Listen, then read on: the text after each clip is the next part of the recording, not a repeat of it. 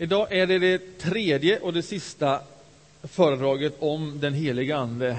Och det bär rubriken Hur blir jag uppfylld av helig Ande? När någon människa blir en troende människa, en kristen människa, när man bjuder in Jesus Kristus i sitt liv, så är inte bara det resultat av en egen mental process som man kommer i land med utan den heliga Ande är djupt involverad i den processen när vi kommer till tro. Paulus han uttrycker det så här att ingen kan säga Jesus är Herre utan den helige Ande. Det är omöjligt att komma till tro, att tro på Jesus utan att den helige Ande är involverad i den processen. Vilket gör att den som är kristen, som tror på Jesus, den har den heliga Ande i sitt liv. Är du kristen, då har du den heliga Ande i ditt liv. Det har vi sagt de två föregående föredragen. Och där är liksom ansatsen in i dagens ämne. När någon har den heliga Ande, då säger Paulus så här. Lyssna här. Jag vill att ni ska låta er uppfyllas av Ande. Och det är någonting annat. Inte helt annat, släkt med, men ändå någonting annat. Man kan ha den helige Ande, men man behöver inte vara uppfylld av helig Ande. Och vad är skillnaden mellan att ha helig Ande och att ha helig Ande och vara uppfylld av helige Ande? Hemma hos oss har vi en gasspis. Eh, och när man drar på gasen och drar på en gnista så blir det en låga av det. Så är det. Och så brinner en låga. Och den lågan kan man på våran spis skruva ner. Och hur långt man än skruvar ner den så försvinner inte lågan. Det finns ett bottenläge där lågan brinner stadigt men försiktigt. Så är det att ha helig ande. När väl lågan finns där, ja då finns den där. När väl gnistan och gasen har mötts, ja men då är det en låga. Och hur mycket man än skruvar ner, den finns där. Det är en låga. Om man sen tänker sig att man ska göra mat på spisen, om man ska ta vidare steg i sin gastronomiska utveckling, så ställer man kanske en eh, kastrull på plattan, man fyller den med vatten. Och om man då ingenting gör med lågan, ja, så blir det varmt vatten, men inte mer. Och för att ta steg vidare så behöver man ibland, för en del rätter, ganska många rätter, nå kokpunkten. Typ makaroner och annat. Och då behöver man skruva upp lågan. Och skruvar man upp lågan lite, ja men då når man kokpunkten och då blir det möjligt. Och bruka spisen, bruka detta för mycket mer än om den bara ligger på sparlåga. Möjligen kan det förklara skillnaden mellan att ha lågan, som finns där, som alla har som en kristen människa, och att dra på lite så man når kokpunkten. Att bli uppfylld av helig Ande. De här små orden av Paulus, att bli uppfylld av helig Ande, det rymmer mycket mer än så. Det är någonting som tycks pågå hela tiden, att man kan låta sig uppfyllas. Alltså inte bara någonting som sker en gång och sen ligger man där, utan det är någonting som sker igen och igen och igen. Man låter sig konstant uppfyllas.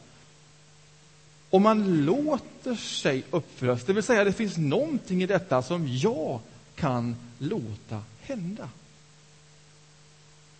Det är inte bara tur om det händer, utan jag kan låta någonting hända vad gäller den helige Anden. Vad är det jag kan låta hända? Hur går det till då att bli uppfylld av helig Ande om vi har en egen del i det? Det finns en man som heter, eller hette eh, Henry Nouwen, teolog, psykolog, skrev mycket böcker. Eh, Och ett av hans områden som fascinerade honom utöver teologi och psykologi, det var cirkus. Cirkussällskap. Han var så fascinerad att han någon vecka eller två på sommaren tog av sin semester och reste med ett cirkussällskap. Bara för att uppleva atmosfären, vara del av detta. Och det som allra mest fascinerade honom av alla dessa konstnärer, det var trapetskonstnärerna. Som svingade sig på hög höjd och där utförde sin konstart. Och han tyckte att deras konstart, där de svingade sig, de kastade sig ut, att det påminde om själva livet. Han älskade trapetskonstnärerna och fascinerades. Hur gör de det? Hur vågar de det? Hur går det till? Så för han samtal med en av de här trapetskonstnärerna efteråt och frågar vad är hemligheten? Vad är hemligheten? Hur lyckas ni med detta?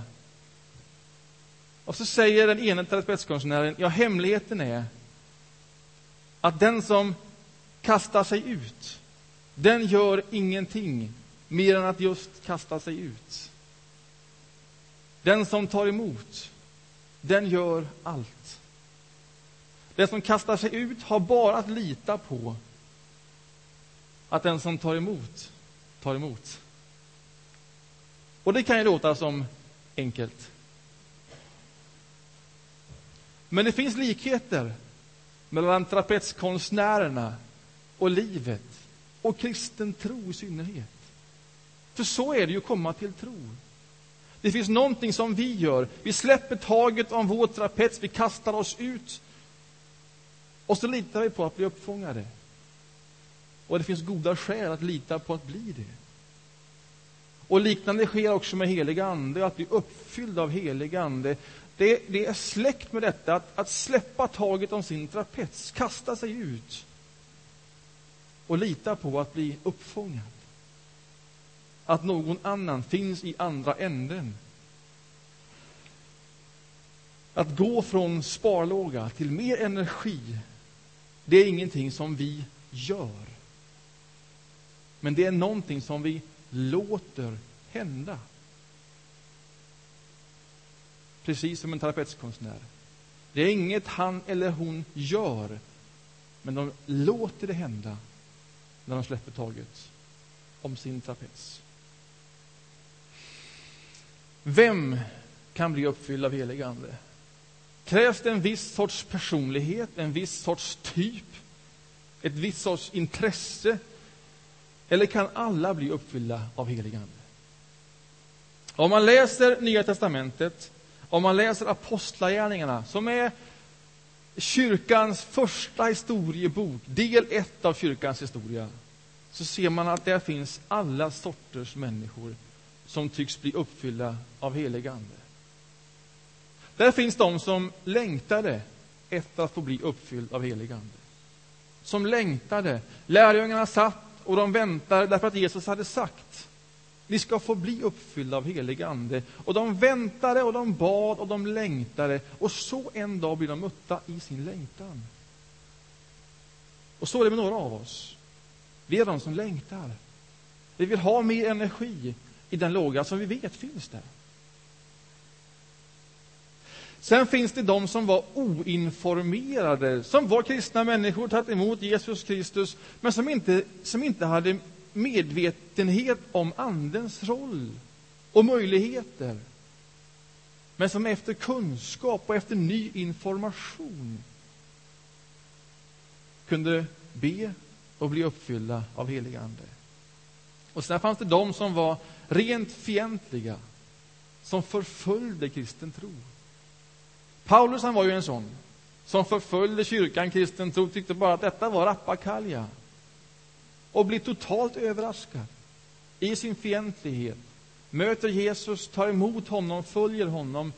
Och sen är det ju han som uppmanar oss alla att låta oss uppfyllas av Ande. Det är ju en intressant resa. Och sen finns det den gruppen som man möjligen kan kalla för de osannolika. De som man inte trodde skulle kunna bli uppfyllda av helig ande. Alltså alla som först kom till tro kom ur den judiska tron till tro, kristen tro. Och man tänkte sig att ja, men det var så det skulle vara. Det var vårt folk detta gällde. Så fanns det andra människor ja, men som också var fromma, som bad. Men man tänkte, det gäller inte dem. Ända tills Petrus, en av lärjungarna, möter officeren Cornelius. Och då vänder det upp och ner på allting. Så kunde också de helt osannolika bli uppfyllda av helig ande.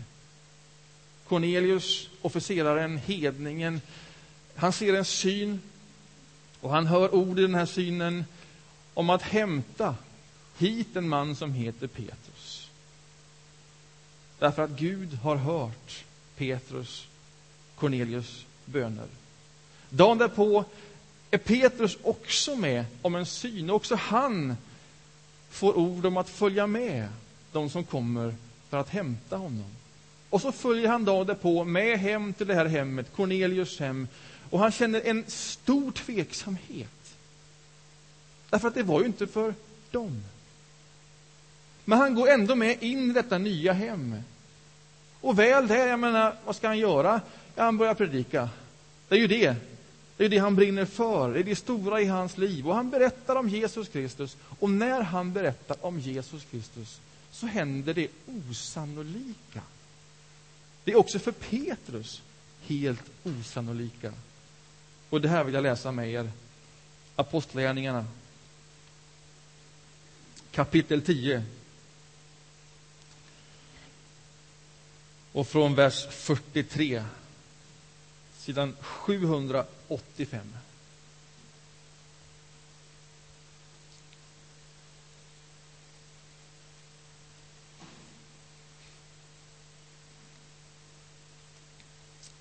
Han berättar om Jesus, och det beskrivs så här. Om Jesus vittnar alla profeterna att var och en som tror på honom får syndernas förlåtelse genom hans namn. Medan Petrus ännu talade föll den heliga anden över alla som hörde hans ord.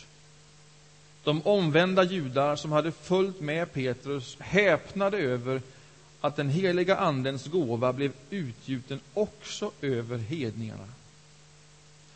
De hörde hur dessa talade med tungor och prisade Gud. Då frågade Petrus, vem kan hindra att de blir döpta med vatten när de har tagit emot den heliga anden alldeles som vi.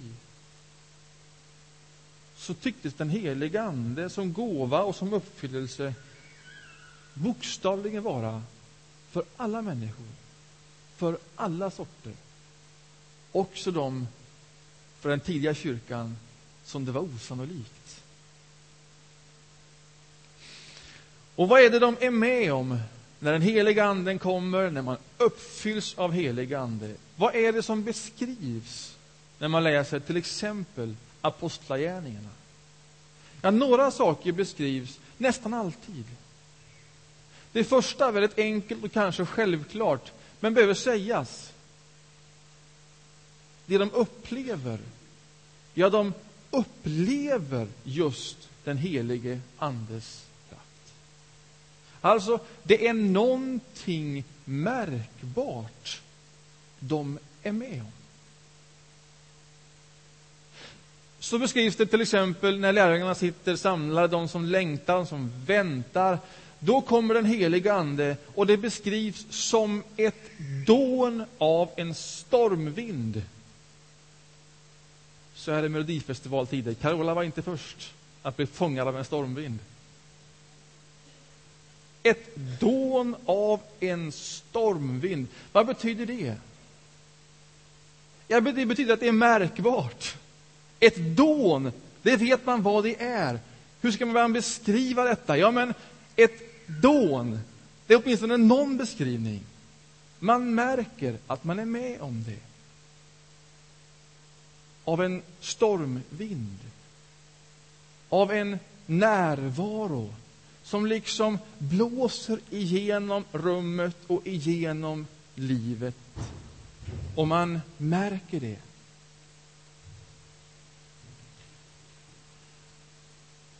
Guds ruach. Guds ande eller Guds vind finns beskriven från första kapitlet och första boken i Bibeln. Det är samma ord för ande och för vind. Och det är nog ingen tillfällighet när Guds roach, Guds ande, genomsyrar, ja, men då är det som en vind. Det är märkbart. Det kan vara som en ljum, varm vind, så att det känns och upplevs varmt fysiskt. Det kan vara som en väldigt svag vind, som en aning, en vindpust, men ändå märkbart. Eller det kan vara som en stormvind. Alltså, om du märker någonting i din bön om helig ande, då är du inte först med att märka någonting. Man upplever den heliga Andes kraft. Men vi gör det på olika sätt, utan gradering. Det som alltid upplevs när den heliga Ande uppfyller en människa, det är kärlek. Och det är kanske det viktigaste att säga.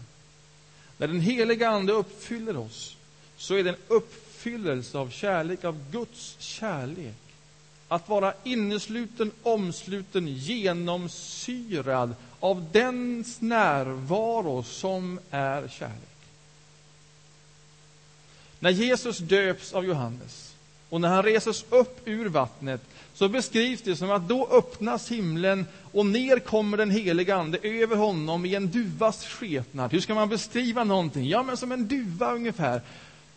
Och när det händer, när heliga Ande kommer över Jesus, då hörs samtidigt en röst som säger Detta är min älskade son. Och det är ingen tillfällighet, tror jag att just de orden kommer just där. Och det är inte bara för Jesus. Hans liv är modell för oss alla. När den heliga Ande uppfyller vårt liv så är det en uppfyllelse av kärlek.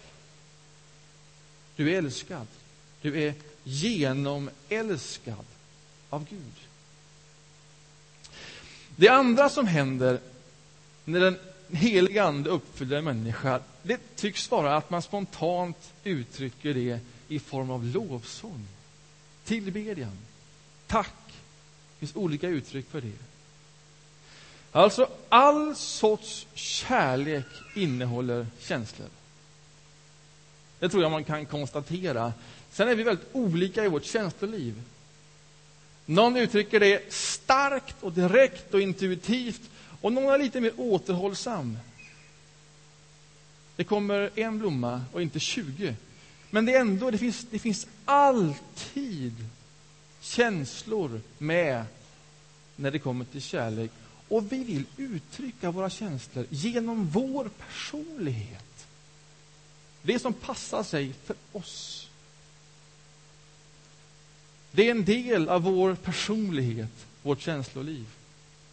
Och kristen tro involverar hela vår person. Inte bara delar av den, utan också vårt känsloliv. Och jag tror det är viktigt att bejaka den delen av kristen tro. Och därför, när du upplever dig av Gud genomälskad, ja, men då uttrycker vi det på något sätt. Och låter inte omgivningen stå i vägen för det jag känner och vill uttrycka av tacksamhet, av gensvar. Och det ska man säga när jag nu säger lovsång. Lovsång är inte stil. Lovsång är ingenting annat än ett gensvar på Guds kärlek. Och det kan uttryckas på många olika sätt, i många olika stilar, med många sorts olika uttryck och ord. Men vi uttrycker det därför att vi är med om någonting viktigt av kärlek. Det tredje som jag vill säga någonting om, som också nästan alltid beskrivs, det händer i Cornelius hem, det händer i den första utgjutelsen av anden i Apostlagärningarna, det är att de får ett nytt språk. De börjar tala i tungor, så står det. Tungor kan du översätta enkelt med språk. Så behöver vi inte hänga upp oss på själva ordet. Men det som händer för nästan alla, det är att de i samband med uppfyllelsen av Anden får ett nytt språk. Alla får det inte, alla uttrycker det inte. Det är inte ett obligatoriskt tecken på att vara uppfylld av helig ande. Sa jag det tillräckligt tydligt? För jag menar det.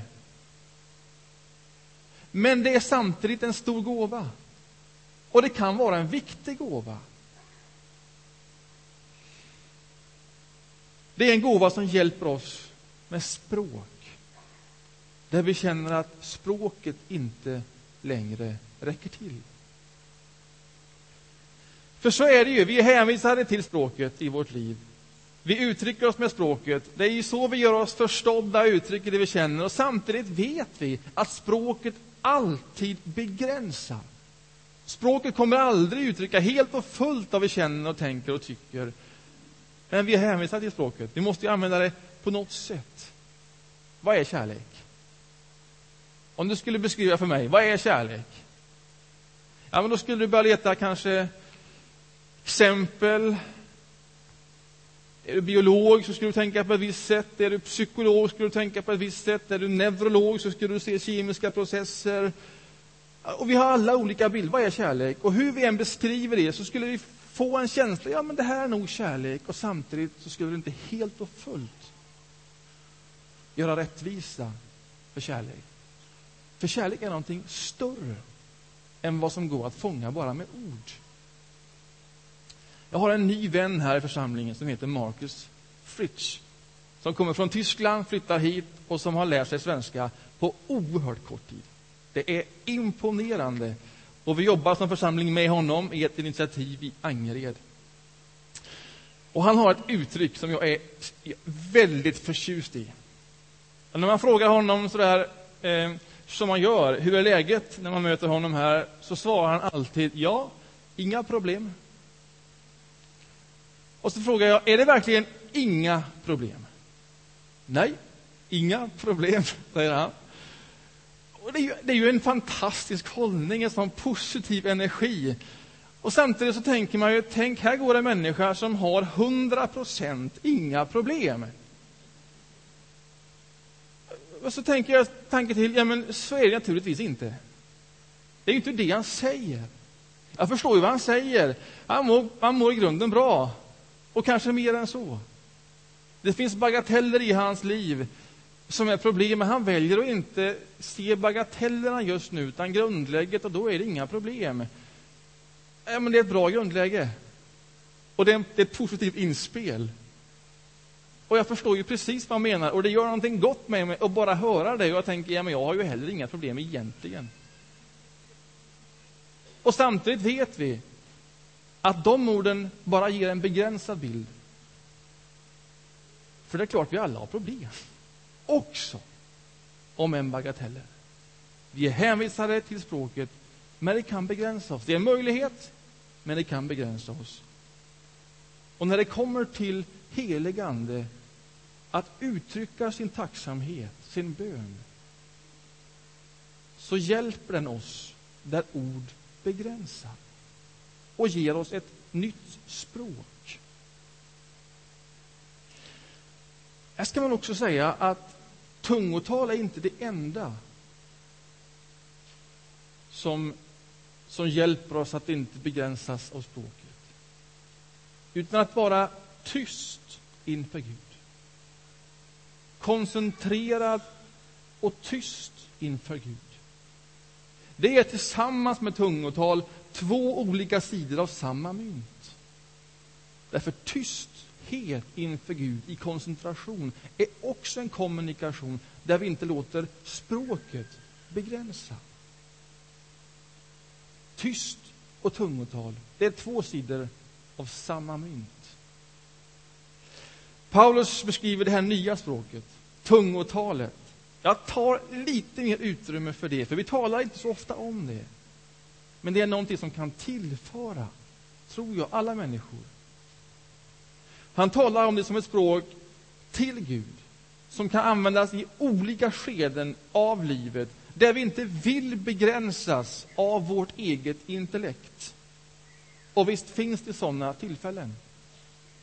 När man känner tacksamhet inför någonting, så oändligt stor tacksamhet inför någonting. När jag är av Gud, skaparen, genomälskad, får upp ögonen för det och vill uttrycka min tacksamhet, då räcker inte orden till. Jag vill inte begränsas av mitt eget intellekt.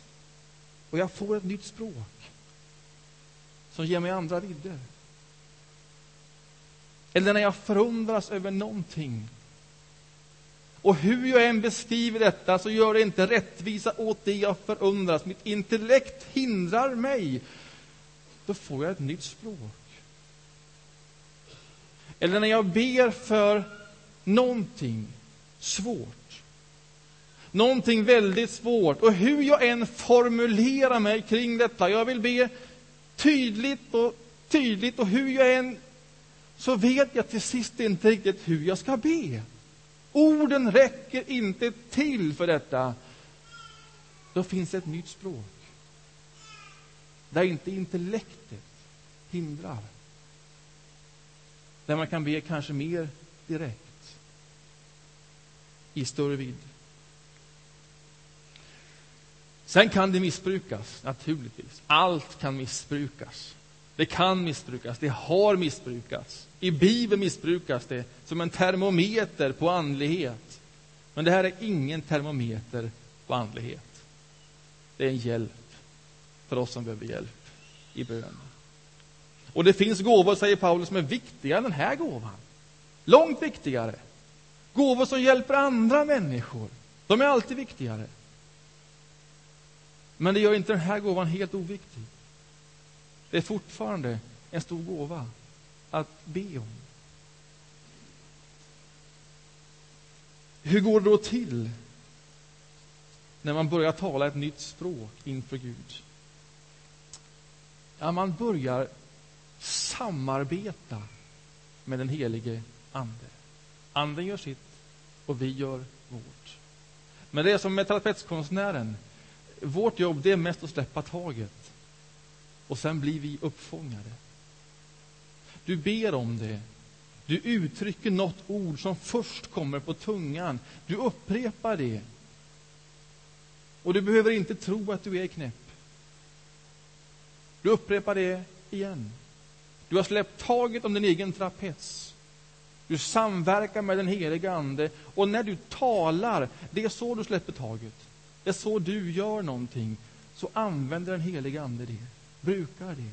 Och till sist blir du bekväm med de orden som är dina och du kan utveckla ett nytt språk. Du kan göra det talandes, du kan göra det sjungandes. Men det är ett samarbete med den helige Ande. Vad kan hindra oss till sist från att bli fylld av helig Ande? Vad är det som gör att vi inte vill riktigt släppa oss till och be om helig Ande? Vad kan det finnas? Ja, här vill jag ta er med till ett ställe där Jesus undervisar om detta. Lukas evangelium kapitel 11.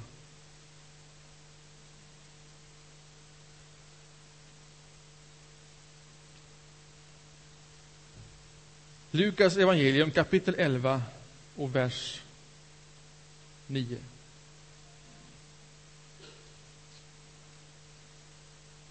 Vad finns det för hinder från att vilja bli uppfylld av helig Ande? Jag tror att det första hindret är tvivel.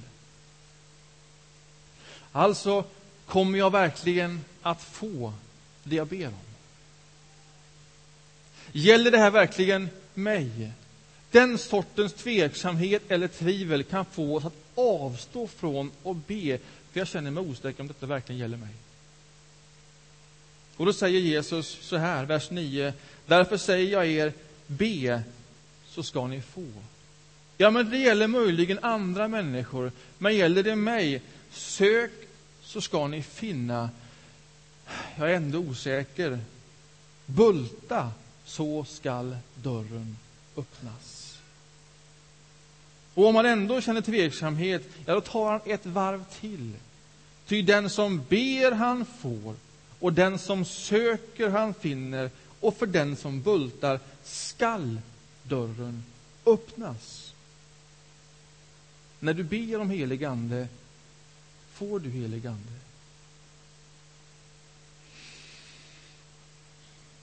Något annat som kan hindra oss, det är rädslan. Alltså, är, är det bra för mig? Vad är det jag kommer vara med om? Egentligen, det känns lite olustigt. Och då säger Jesus så här, vers 11. Finns det någon far ibland er som ger sin son en orm när han ber om en fisk? Eller ger honom en skorpion när han ber om ett ägg?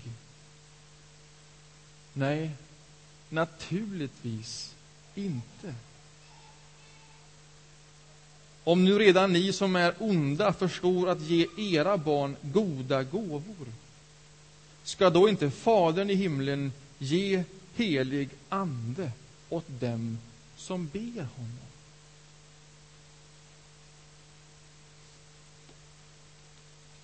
Finns det fler hinder? Ja, kanske känslan av att inte vara värd. Att inte vara tillräcklig. Och en del av oss går konstant runt med den känslan att snart bli avslöjad. De skulle bara veta hur jag egentligen tänker. Vem jag egentligen är. Det här är för andra, mer helgade människor, mer kristna människor, men inte jag. Men låt mig få uttrycka också det klart. Att Gud är helt ointresserad av hur helgad du tänker att du är.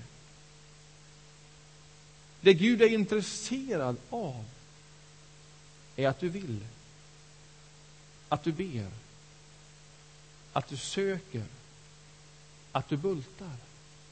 Och om då redan vi som är onda, alltså som inte bara gör allt gott, utan mer delar i hur vi gör och tänker. Om då vi ger våra barn goda gåvor, hur mycket mer ska då inte Far i himlen ge helig ande åt dem som ber?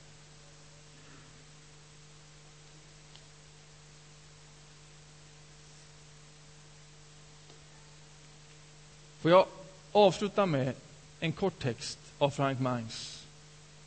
Sen ska vi strax be.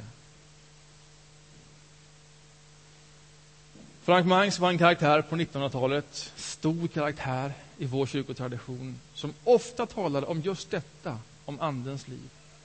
Han hade olika uttryck för det.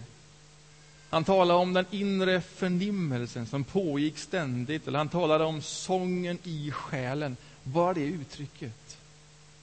Och det här är någonting som pågår ständigt, säger han. Och jag vet inte hur jag skulle orka vara kristen om det inte vore för den pågående förnimmelsen, den pågående sången i själen. Och så får han den här frågan i en intervju. Jag tror han är fem plus när han svarar detta. Men om nu detta, förnimmelsen, sången i själen, inte är någonting som man behöver arbeta upp, hur får man då tag på förnimmelsen? Alltså, hur sjunger det i själen? Hur går man från sparlåga till mer energi? Ja, det är bara en sak att göra, svarar han. När jag har skrivit för mycket eller av någon annan orsak upplever att förnimmelsen dämpats, då blir jag stilla. Fullkomligt stilla och avslappnad. Jag säger, Herre, nu får du fylla mig med din helige Ande. Du har råd med det. Det kostar dig inte ett dugg att fylla min helgedom, som är din helgedom, med din härlighet. Och det slår praktiskt taget aldrig slint. Även då min kropp är dödstrött. När jag slappnar av upplever jag hur förnimmelsen blir mäktigare och mäktigare och ibland får jag säga Herre, Nu räcker det. Låt dig uppfyllas av helig Ande. Släpp taget om din egen trapets. Lita på att bli mottagen. Den som tar emot gör allt. Vi släpper taget. Be om helig Ande. Och om du så vill, be om ett nytt språk. Det behöver inte alls hänga ihop. Men om du vill, så låt det här vara en gudstjänst och du ber också om det. Jag ska först dela nattvarden. Vi ska lyssna till en sång. Sen kommer nattvardstjänarna stå på olika ställen som vanligt. Och våra förebedjare kommer också att stå ihop på olika stationer. Två och två på läktaren och här framme. Och vill du be om helig ande, om uppfyllelse av helig ande, så, så ta steg fram hit. Och de kommer fråga vad du heter. Eh, och sen kommer de försiktigt lägga sin hand på dig och bara be om helig ande. Med några få ord. Och det är en styrka att låta någon be för oss i detta. Att inte vara ensam. Anden är given i församlingen, för församlingen. Och vill du be själv, så gör det där du sitter. Och känn full frihet i det här rummet. Och vi har full respekt för varandra, vad vi vill, hur vi vill uttrycka oss och vem vi är. Men det finns en möjlighet att få bli uppfylld av helig Ande. Ska vi be?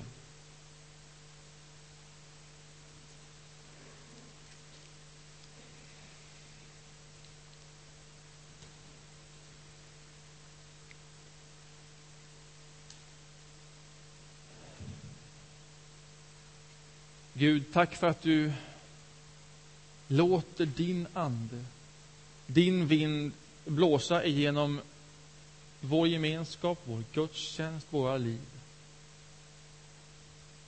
Som den en gång blåste i skapelsens morgon och skapade nytt. Och som den genom hela historien har fortsatt att blåsa, har fortsatt att skapa nytt och fräscht. Jag ber för mig och jag ber för oss om öppna sinnen och om mod att släppa taget om det vi behöver släppa tag om.